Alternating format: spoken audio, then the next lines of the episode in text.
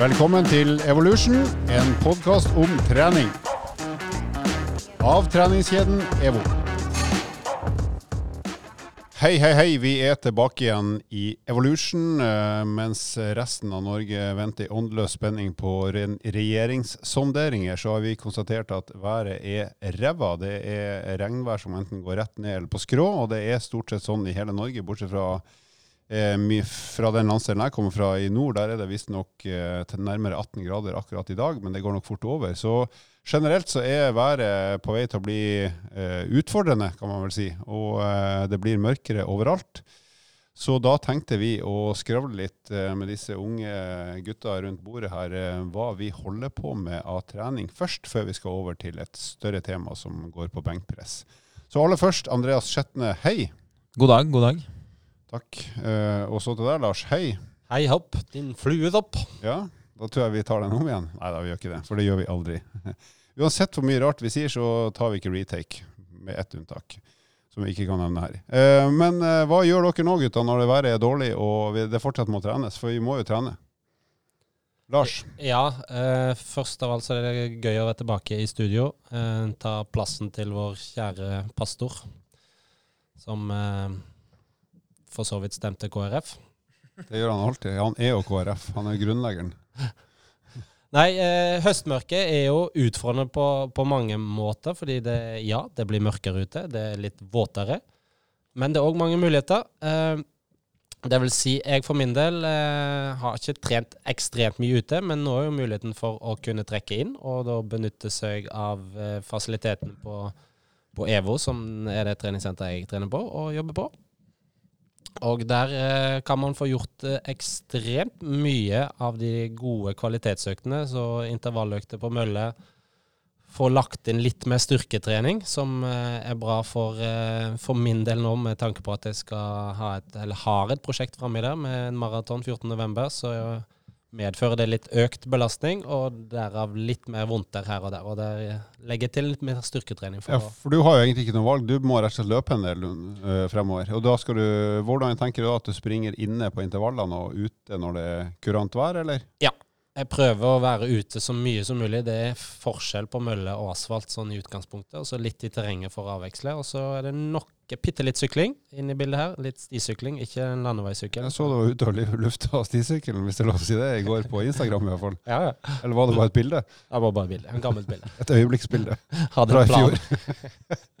ja, det er deilig å sykle litt, for det er faktisk Du må slite litt på vei opp, og så får du litt moro ned igjen. Og så er det en fin avveksling for beina jeg får ganske bra puls eh, på vei opp bakkene. Var det din makker fra Trondheim-Oslo som var med i går? Ja, han hang på halen. Han gjorde fortsatt det, ja. ja. Han er dårlig også på stisykkel. han gjør et forsøk. Det skal han ha. Ærlig forsøk.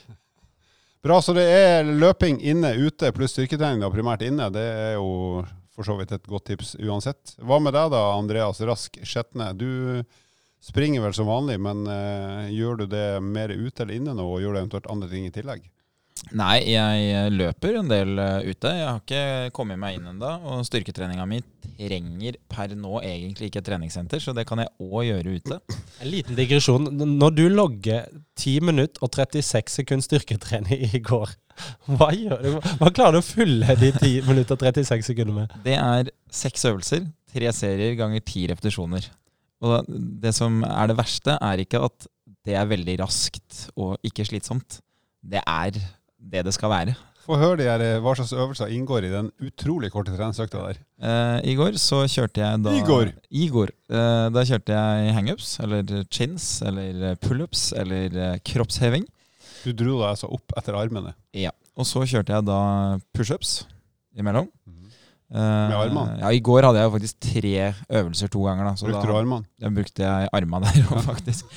For øvrig en veldig fin reklame. Kanskje en av mine favorittreklamer fra jeg var barn. Han Japp-mannen Oh. Ja, ja. Som dytta bilen utfor. Han tok jo pushups uten armer. Veldig, veldig bra gjort, faktisk. Nei, så da kjørte jeg da uh, chins, jeg kjørte uh, pushups, jeg kjørte gående utfall.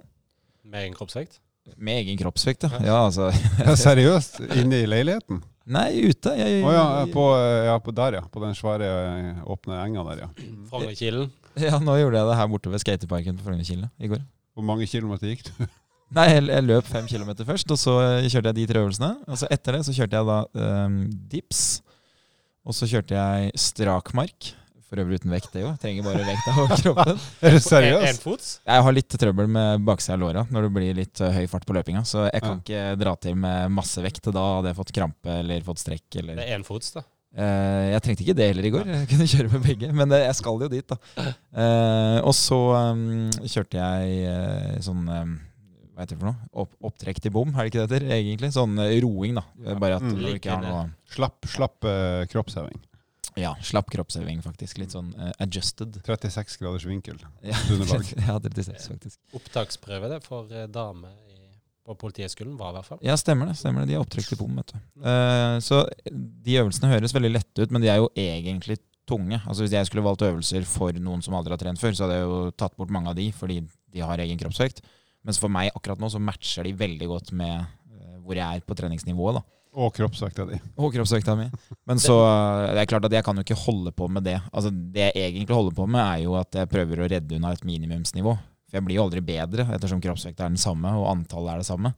Så på et eller annet tidspunkt så må jo jeg jo inn. Men eh, akkurat nå på høsten så er det så mye løping, det er så mange konkurranser, at hvis du skal drive og trene hard styrketrening nå, så, så vil det på en måte Akkurat i den lille perioden så vil det påvirke resultatet av løpinga. Du blir jo mer og mer asymmetrisk du, i forhold til eh, at du, overkroppen din tar mer og mer av ditt totale volum som menneske og kropp. Ja, og ikke fordi at overkroppen blir større. Nei, beina blir bare om mulig enda mindre. Så eh, til den grad jeg har trent for estetikk tidligere, jeg føler liksom ikke at jeg har gjort det, så gjør jeg jo nesten det nå. det er jo nå jeg faktisk Altså det å gå utfall, det, det er nesten mer bare for samvittigheta og for utseendet. Hvor eh, langt har du gått utfall på det lengste?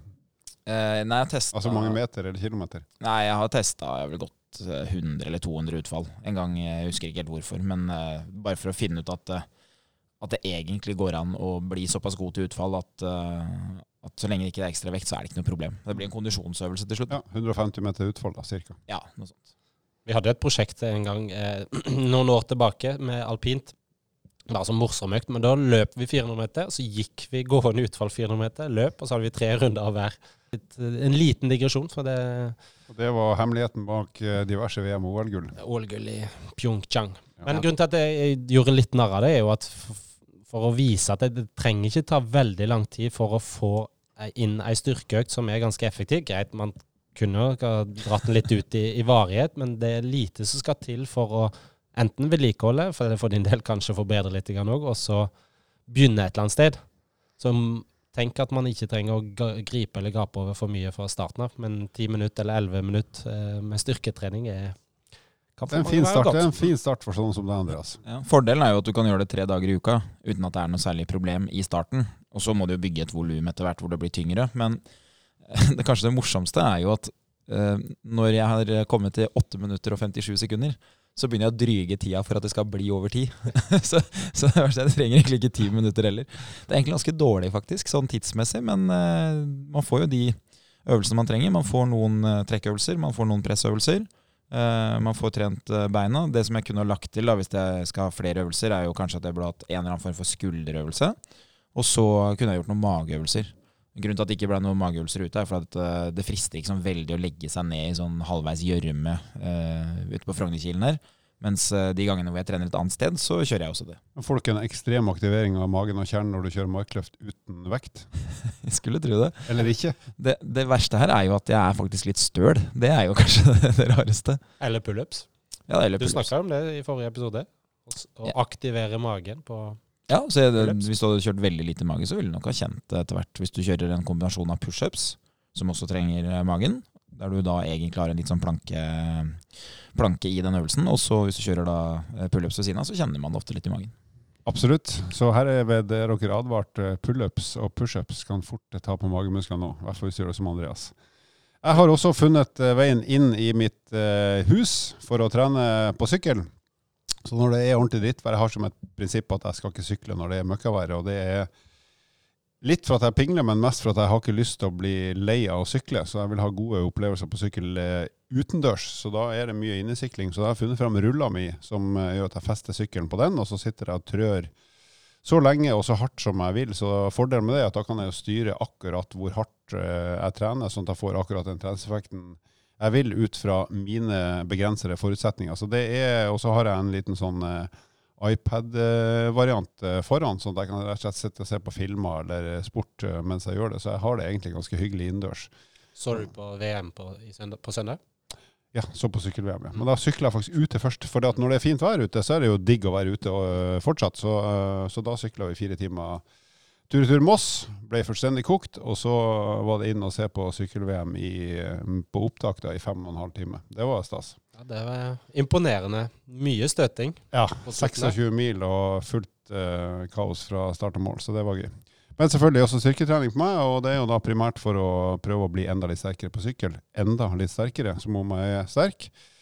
Det er ikke, men da går det mye beinøvelser. Eh, så i motsetning til Andreas er jeg iallfall på et nivå der jeg trenger ytre belastning, altså noen kilo både her og der, for å kunne utvikle mer styrke enn det jeg har per i dag. Det er jo veldig mange idretter som har sånn teite ting ved seg. Sykkel har jo en teit ting som var superpopulært for noen år siden, og det er styrketråkk. Mm -hmm. Driver du med styrketråkk? Eh, jeg, jeg, driver med styrketråkk som er styrketråkk, og ikke bare liksom-styrketråkk. Så det jo, betyr jo rett og slett at du sykler med ekstremt tung motstand, eller på et veldig tungt gir, så du må rett og slett trø så hardt at du bruker mer eller mindre all, all muskelkraft for å få tråkka rundt. Så jeg har gjort det av og til på sommeren når jeg ikke har tilgang på styrketrening. Da finner jeg meg en slak motbakke og tar på tyngste gir, og da er tråkkfrekvensen tippa jeg nede i 25-30, så det er så vidt at, må, altså at farta blir null, altså, nesten. Så da er målet å komme seg av sykkelen før jeg velter, eh, hvis jeg ikke kommer helt opp. Jeg, jeg, har jo alltid følt at sånne type ting som dukker opp Det er jo litt sånn I, i løpinga så har det vært sånn trene litt sprint, altså noen drag, eller f.eks. løpe i motbakke. Og så ser jeg at veldig mange av de som velger det, de velger jo ikke det fordi de tenker at dette har jeg så god kontroll på, så her skal jeg få godt utbytte.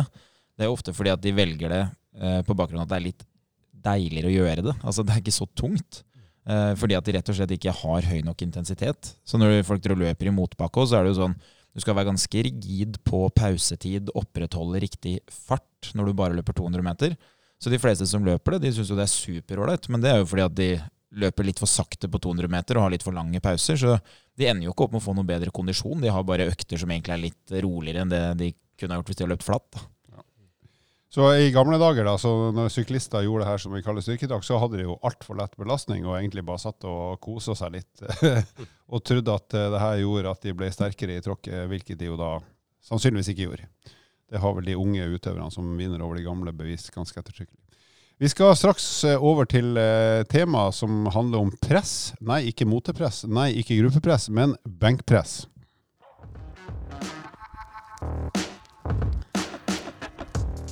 Og jeg er så fornøyd med den overgangen der at jeg var nødt til å legge inn en liten kunstpause på ett sekund. Der er den ferdig. Eh, vi skal snakke om benkpress, og eh, i den forbindelse så skal vi jo snakke litt om eh, både teknikk, grepsbredde og andre varianter som kan eh, få deg til å løfte mer. Og også tips på støtteøvelser og måter å legge opp trening på, sånn at du rett og slett kan bli sterkere i benkpress. Eh, men hvis vi skal være litt sånn eh, seriøs her i starten i forhold til hva er poenget med benkpress? Hvorfor er det en øvelse som de fleste kanskje kan ha nytte av? Noen som vil hive seg utpå? Så jeg skal være helt ærlig, som, uh, som jeg pleier å være, som jeg syns er morsomt å være, uh, så er det faktisk sånn at benkpress er jo en av de øvelsene som det kanskje ikke er så mye vits i å velge. Uh, man velger den gjerne fordi at øvelsen byr på høy ytre belastning. Det er en enkel måte å, å skape stor belastning på kroppen. Man får trent flere muskelgrupper, så sånn sett så er det smart. Men behovet for store brystmuskler Eh, er jo mer fiktivt. Det er begrensa. Ja, ikke sant? Så jeg pleier å tulle med de kundene jeg har og si at det er jo heldigvis sånn at vi kjører mye benk, for de gangene du skal dytte biler ut av grøfta eller altså det, er jo, det er jo fryktelig sjelden man egentlig trenger enormt med kraft i det å skulle skyve noe fra seg. Eh, så sånn sett så ville det jo kanskje vært smartere om alle hadde kjørt pushups istedenfor benkpress, for da hadde man jo trent magen, i hvert fall, i samme slengen. Så, så sånn sett så er det jo en øvelse som er den skaper jo fiktiv styrke, egentlig, for du trenger ikke den styrken. Men uh, muskelmassen er jo veldig kjekk at uh, blir trent, ikke sant? for den skaper jo en forbrenning. Uh, og det er jo store muskler, så det er jo enkelt å påvirke det. Så sånn sett så er det jo ikke helt bortkasta. Og så er det jo jækla gøy, da. Det må jo sies. Det er jo en av de øvelsene vi hører om først når det kommer til faglitteratur i forhold til styrke. Og vi tre har jo alle gått på idrettshøyskolen. og en av de første øvelsene man møter der i styrkerommet, og som det står kø rundt, det er jo benkpressene.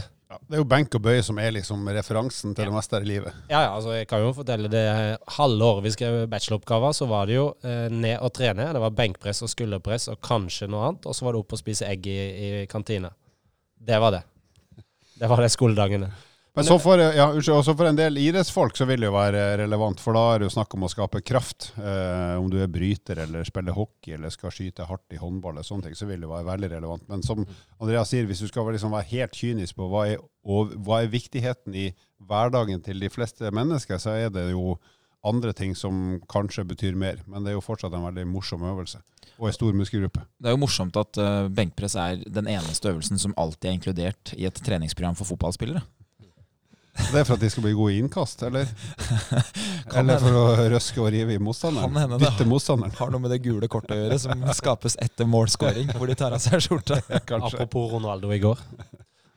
Eh, og så er det jo en øvelse som er involvert eller inkludert i, i idretten styrkeløft. Det er det knebøy, markløft og benkpress. Så du har jo på en måte tre forskjellige øvelser hvor de tester trekk, drag og press i ulike um, posisjoner, horisontalt eller vertikalt. Eh, og så er det jo òg en øvelse som er inkludert i veldig mange testbatteri. Tast, testbatteri. Eh, IRF trening for eh, fotballspillere. Men eh, eh, vi hadde det jo som en del av testbatteri alpint, f.eks. Selv om brystmuskulatur og til dels eh, armmuskulatur er jo ikke kjempeinvolvert i, i Det skapes ikke mye fart med brystet i, i alpint. Nei, ikke sånn ekstremt mye. Greit, triceps eller armmuskulaturen, bakside arm, er jo litt mer involvert. Men eh, det handler jo veldig mye om eh, aerodynamikk og posisjon. Og for stramme brystmuskulaturer så rynker de på nesa med en gang vi kommer i vindtunnelen. For du klarer ikke å sette deg i den posisjonen du skal være i. Litt ref det vi har snakka om før på sykkel og luftmotstand. Må jo være for å holde stavene inntil kroppen du kjører utfor, da. Sånn at ikke de stikker av. Kjører masse sånn pekdekk og flaus. Men eh, ja, en oppfølging på det, så, så lå det jo i testbatteriet vårt, men vi trente eh, 1% benk i treningsprogrammene våre. og Vi skal komme litt inn på støtteøvelser og andre bedre øvelser, i mine øyne og våre øyne, som er mer hensiktsmessig å bruke for å da trene brystmuskulatur, skuldermuskulatur og armmuskulatur. Men altså, kort oppsummert, benkpress er en glimrende øvelse for å trene primært brystmuskulatur, men også forside skulder og også delvis triceps. Altså, det er jo de muskler som primært skaper bevegelse i stanga. Så det er jo en, helt ærlig, det er en morsom øvelse som til en viss grad har overføringsverdi, men rett og slett er en, en, en artig øvelse å bruke i treninga si. Ja, også Hovedgrunnen til at benkpress gjerne er den øvelsen de fleste kjenner til, og, og, grunnen til at det er veldig mange som gjør det, er jo fordi at det er en av de få øvelsene hvor du kan sammenligne uavhengig av kroppsvekt, høyde. For Hvis du hadde hatt uh, en annen øvelse som kroppsheving, så ville jo de som er tyngst, ville bli ekskludert hvis de ikke har trent veldig mye. Uh, og Det samme gjelder jo type knebøy. og Det er jo stor sannsynlighet for at hvis du er mann to meter høy, da løfter du mye mer enn mann 1,60, som veier halvparten. Jeg er, unnta jeg er unntaket som bekrefter regelen. Selv om jeg ikke er to meter, så er jeg 1,90. Ja, men du er, du er lang. men du er ikke så tung. Det er en liten modifikasjon. Jeg har vært tung og dårlig òg, jeg. Jeg har vært lett og dårlig, jeg er lett og dårlig, jeg har vært tung og dårlig. Det er noen som strakk deg i begge ender. du har ligget for mye i benken. Nei, Det er en liten modifikasjon, og der er det jo armlengde. Altså antropometrien på overarmsbein og for så vidt underarmsbein. Eh, hvor lange armer du har, jo lengre arbeidsvei vil du jo utgangspunktet få. Så her er det jo noen som stiller litt bedre til start enn noen andre. Ja, så, vi tre her har jo litt lange armer. Ja, så Hvis vi skal begynne å se litt, ok, hva, hvordan, eh, hva er det som avgjør eh, benkpressprestasjon? Det er jo selvfølgelig trening, men det er også litt hvordan du er født eller laga. Altså, vi som har litt lange armer, sånn som alle vi rundt bordet her er, som Lars sier, vi har jo utgangspunktet litt lengre altså Den stanga må lenger, løftes lenger opp fra overkroppen vår enn hvis vi hadde hatt kortere armer, som i utgangspunktet er en ulempe i forhold til benkpress.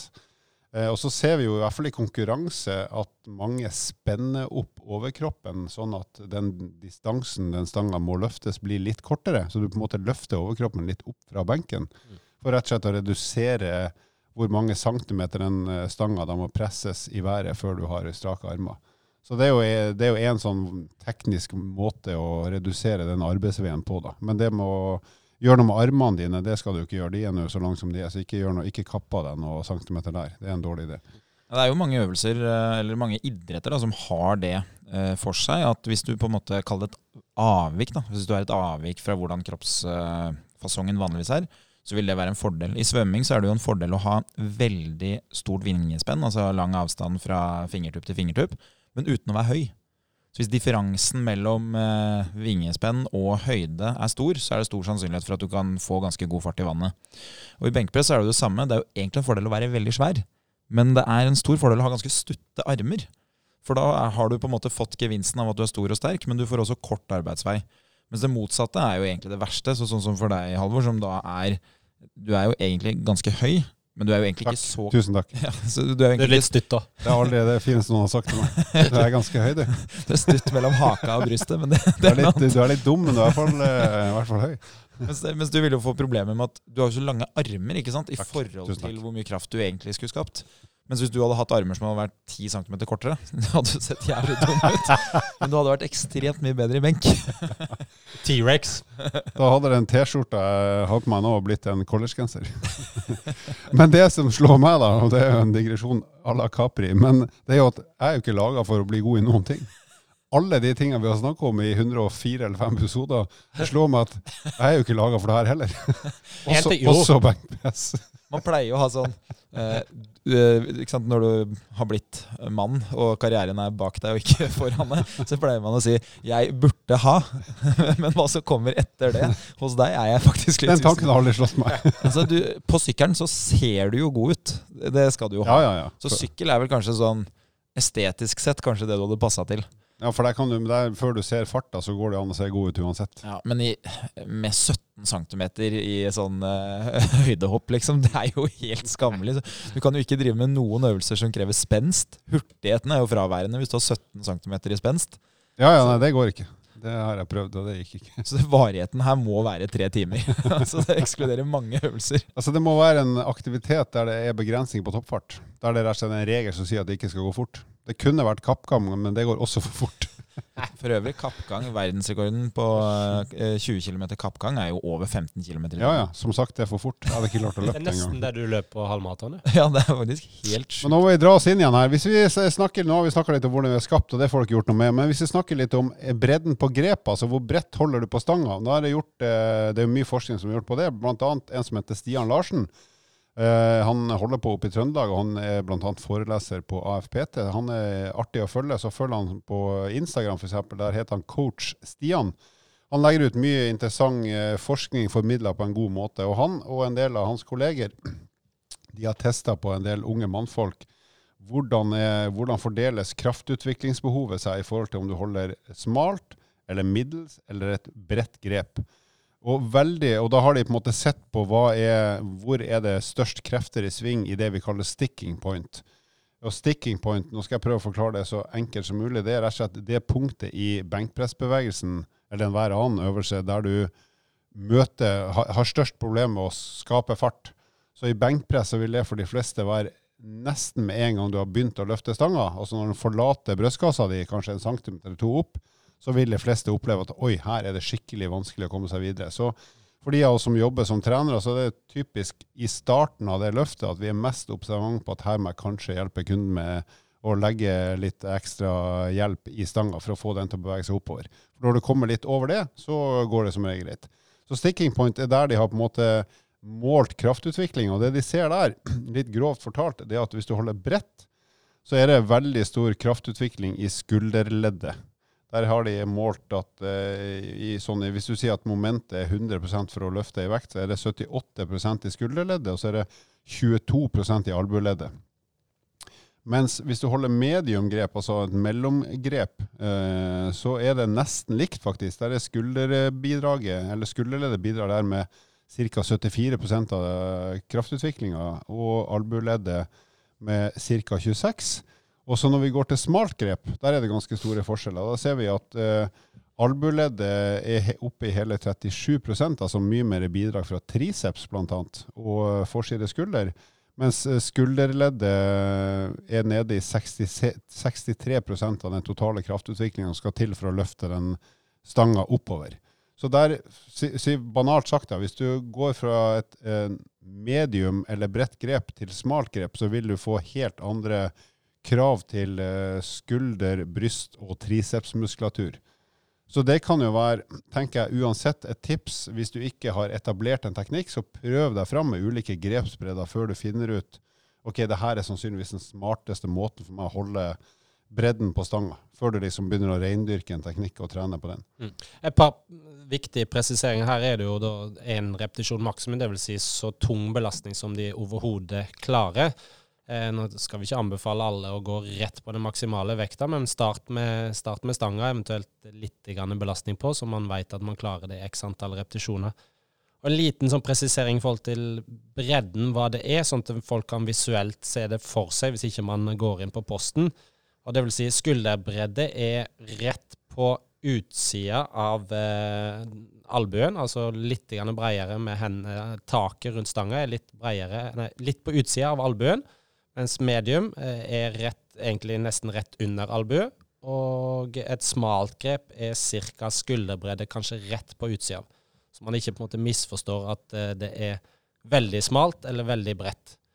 Også For det som mange vil merke på spesielt det smale grepet, er at det forsvinner en del balanse i stanga. Så da er det en del andre element som spiller inn i bildet i forhold til det å kunne produsere den krafta som trengs. Og samtidig at man ikke varierer seg for bredt, for da er jo poenget litt borte. for det kan vi komme litt inn på. Og det er jo Jo bredere man går, så er det ikke nødvendigvis at man aktiverer mer av brystmuskulaturen, altså pectoralis major, men det går ofte mer på den fremre delen av skuldra. Og det skal man være litt obs på, for det er jo en muskulatur som er involvert i veldig mange øvelser, eh, enten man vil det eller ei og som ofte kan skape en problematikk og litt sånn vondte, diffuse smerter i skulderregionen, som mange vil få kunne oppleve ved for mye overdrevent f.eks. benkpress.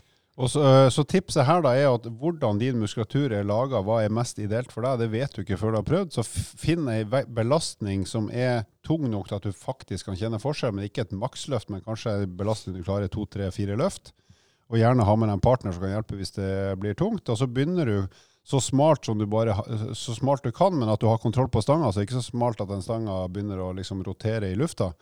Og så jobber du deg utover centimeter for centimeter med gode pauser for å finne ut av ok, omtrent hvor er det jeg kjenner at her utvikler jeg mest kraft, eller her er det lettest for meg å løfte den vekta som jeg nå har prøvd på i mange varianter. Så jeg har pleid å gjort det med folk jeg har trent, at vi, hvis benkpress er en øvelse vi trener, og det gjør vi stort sett med alle, for det, det er artig, om ikke annet. Mm. Eh, så da, da, prøver vi rett og slett litt ulike varianter for å se hvor er det du eh, er best eh, Eller får brukt dine krefter best mulig i forhold til både armlengde og, og muskelgenetikk. Ok, Hvis vi da har funnet et grep som passer den enkelte lytter, hva er det vi da kan gjøre for å bli sterkere i benkpress, annet enn å løfte benkpress? Er det noen øvelser som vil egne seg for de aller fleste for å bli sterkere? Ja, Det som er viktig i benkpress, da, det er jo at det er jo egentlig en hybridøvelse. Det er jo ikke så mange som tenker på det, at um, man bryter litt med en del av de prinsippene som man egentlig vet at det er smart. Det man ønsker, er jo lengst mulig arbeidsvei. Uh, og den arbeidsveien begrenses jo litt i benkpress av at stanga treffer brystet. For de aller fleste har jo god nok mobilitet, eller er myke nok i skulderleddet til at de kunne hatt armene sine lengre bak enn det stanga tillater. da. Så, sånn sett så har man på en måte man har gått bort fra noen av de prinsippene som man vet at er uh, smart. Eh, men så har man da valgt masse motstand isteden. Altså du, du kan legge på mange kilo, som gjør at du får en effekt som sånn eh, grovt sett vil bli bedre enn lengre arbeidsvei. Men det som kan være smart, da, det er jo da å velge seg øvelser som deler opp den bevegelsen, eller deler opp øvelsen, sånn at du blir sterk i alle de detaljene eller leddene som skal være med. da. Og eh, benkpress er jo grovt to ting som må trenes. Det er brystet, og så er det tricepsen. Uh, og hvis du bare løfter benkpress, så vil det være vanskelig å vite er det brystet eller er det tricepsen som egentlig er det svakeste leddet i kjeden her. Man kan jo se det litt. ikke sant? Det kan godt hende du har veldig god fart opp fra brystet, og så sliter du med å rette ut albueleddet på slutten. Men man vet fortsatt ikke om det er fordi at man bruker masse kraft i, i, tricepsen i starten, og at man bare har gått tom, eller om det faktisk er tricepsen. Så uh, tilbake i tid så var jo benkpress kanskje noe av det viktigste jeg drev på med, og da hadde jeg egne dager. Da spilte du fotball? Da spilte jeg fotball, det hører også med. Eh, og da hadde jeg egne dager hvor jeg via da all trening til å bli bedre i benkpress. Eh, noe som også gjør at det blir veldig mye bryst- og eh, tricepstrening, eller baksidearm. Så det man gjør da, er jo at man starter gjerne med de tyngste øvelsene for å få unna de tyngste løftene, det som er mest spesifikt. Og så går man over på kanskje enten å begynne å dele opp og trene bare én av musklene, eller så kjører man en annen øvelse for litt stabilitet, f.eks. type sånn litt skråbenk kanskje, eller benkpress med manualer som sørger for at du er nødt til å liksom bli god og stabil.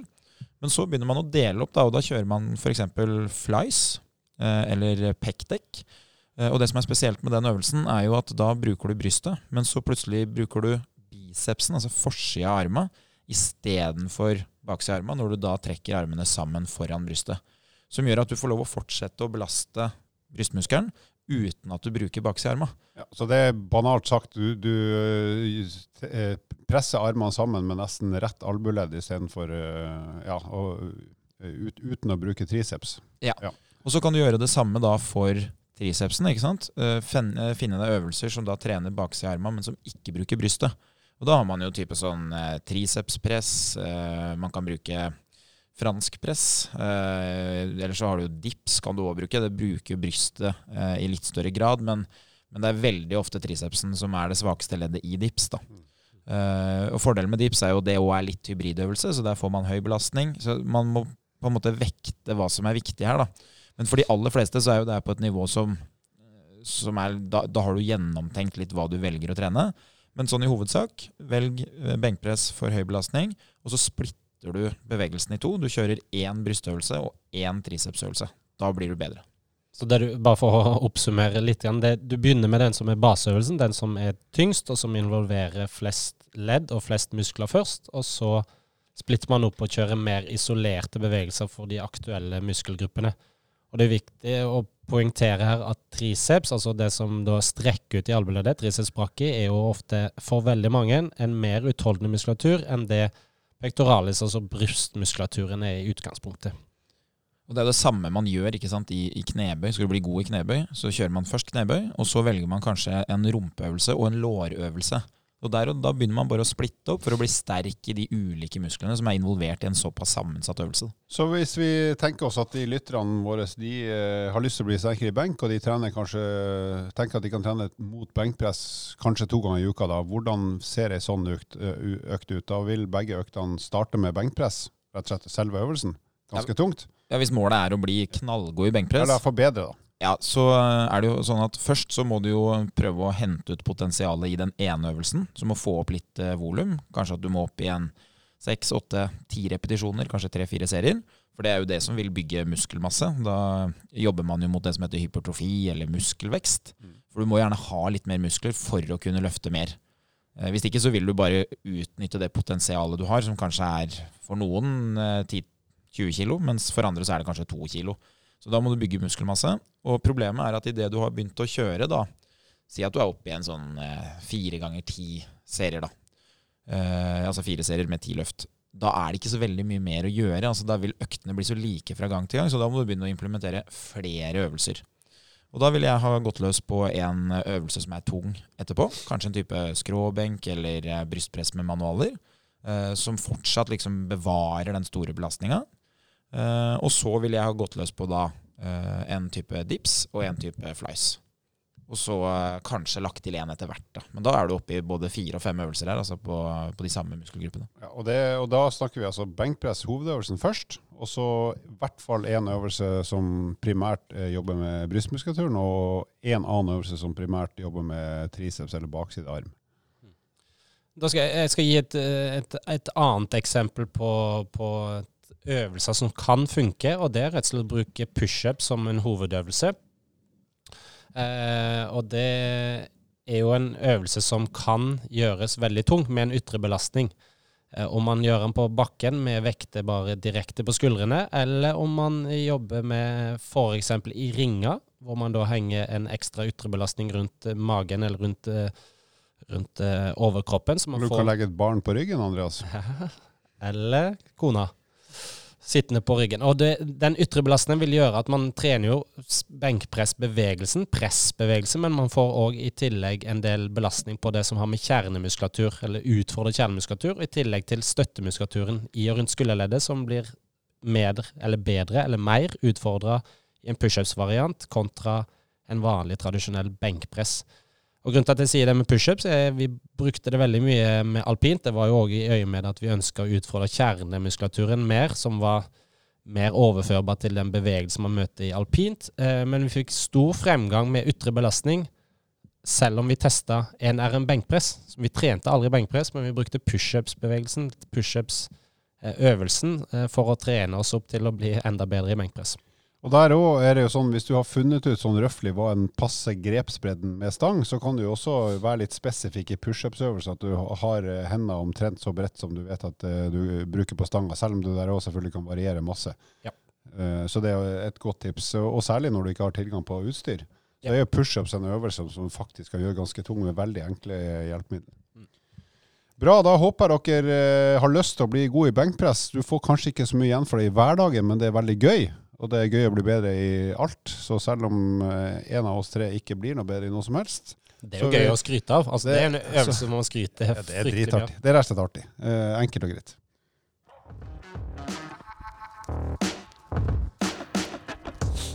Det har gått ei uke siden forrige gang vi møttes i studio. Eh, og som eh, sedvane har blitt, eh, så skal vi snakke litt om hva som har imponert oss, eller som vi har bitt oss merke i siden sist. Og Andreas var veldig klar på at han visste hva han skulle snakke om i dag, så da skal du få lov å si først hva du har blitt imponert av, eller som du har bitt deg merke i på et eller annet vis. Ja, det som jeg er imponert over, det er faktisk oppmøtet forrige lørdag. I Oslo sentrum klokka ti. Altså, jeg, jeg har hørt noen rapporter fra Oslo sentrum, og det var en kombinasjon av eh, Norge slo Brasil, Karl Johan, 17. mai og nyttårsaften. Altså, Da snakket du ti på kvelden, ikke sant? Ti på kvelden. Ja. Eh, Da tydeligvis alle mellom eh, åtte år og 40 tenkte at nå skal vi på byen. Skal vi ta Sånn, igjen? det var langt over 40, det skal jeg love. Altså, jeg, jeg har hørt om folk som sto i kø på utesteder så langt unna det utestedet hvor de skulle inn, at de var nærmere å komme inn på et annet utested fordi køen gikk forbi der. Altså, det var visst helt sånn eh, ja, det, det, var, det var noe som alle burde ha opplevd, da, som, som er i byalder og som syns det er ålreit. Jeg har jo, Her eh, blir sånn hvor var du-øyeblikk da Norge gjenåpna. Ja, tydeligvis. Og det som er litt morsomt, er at eh, en som jeg har hjulpet litt med trening og sånn, eh, jeg så en chat hvor de diskuterte om de skulle ut eller ikke. Og de skal jo da prestere på noe løp utover høsten. Uh, og da, da var det liksom det var klare meldinger om at vi, vi må ut på, på lørdagen. Vi, vi må på byen. Uh, og da, da, da ble ordet 'frigjøringsdagen' brukt som alibi for at uh, man skulle komme seg på byen. Og vedkommende er langt over 40 år, for å si det sånn. Så det er ganske Det er ikke meg, altså. Det er ikke meg. Han er i din kategori. Ja, takk. Lars, Nei, du, jeg eh, henger med på det, men jeg vil faktisk eh, Altså, det som imponerte meg, er jo de som ikke møtte opp. De som faktisk holdt seg hjemme og, og eh, lot alle andre holde på med den galskapen. Jeg var en av de som var ute og kikka. Eh, og det, det vil si, jeg rusla ned Grünerløkka her i Oslo og ned eh, Torgata. Og egentlig, altså det 17. mai på steroider, det fikk en ny betegnelse. Det var ville tilstander. Eh, meterlange køer, ja. Eh, og når du leser i aviser liksom folk besvimer i køer oppe i Trondheim, og liksom, de må sette begrensninger, da er liksom ja, hvor, hvor, eh, hvor er evnen til å huske hva vi faktisk er i? For vi er jo fortsatt i en pandemi. Det er ikke helt over ennå, nei. Nei, det er ikke over ennå. Jeg liker jo at vi har åpna Norge, og det er kjempebra. Men eh, eh, man kan fortsatt tenke seg litt om, for her var det, det var galskap. Og jeg gikk bare som sagt rundt og tusla og så på folk, og så hoppa jeg på en sparkesykkel og dro hjem og så Grorud eh, Underdogs eh, på, på TV2 istedenfor. Kikka du som eh, klasse 6B kikka på nudiststranda på Huk i, tilbake tidlig 2000-tall? Jeg ringte pastor Holm og fikk lånt den der eh, kikkerjakka hans, den lange frakken fra Umbro. Eller som Bodø-Glimts juniorlag i 1987 på reperbanen i Hamburg. Gikk og kikka litt her og der. Jeg rulla ut av huet. Med tyske mark i hånda. Det som har imponert meg mest, det er uh, ukjent mann 47 med grilldress som uh, besøkte meg intet mindre enn tre ganger da jeg var kioskvakt på Manglerud Star i går. Uh, Manglerud ishall. Var da, jeg var kioskvakt, og um, har bare vært det en gang før, så jeg sliter alltid med å få den pølsekokeren i gang.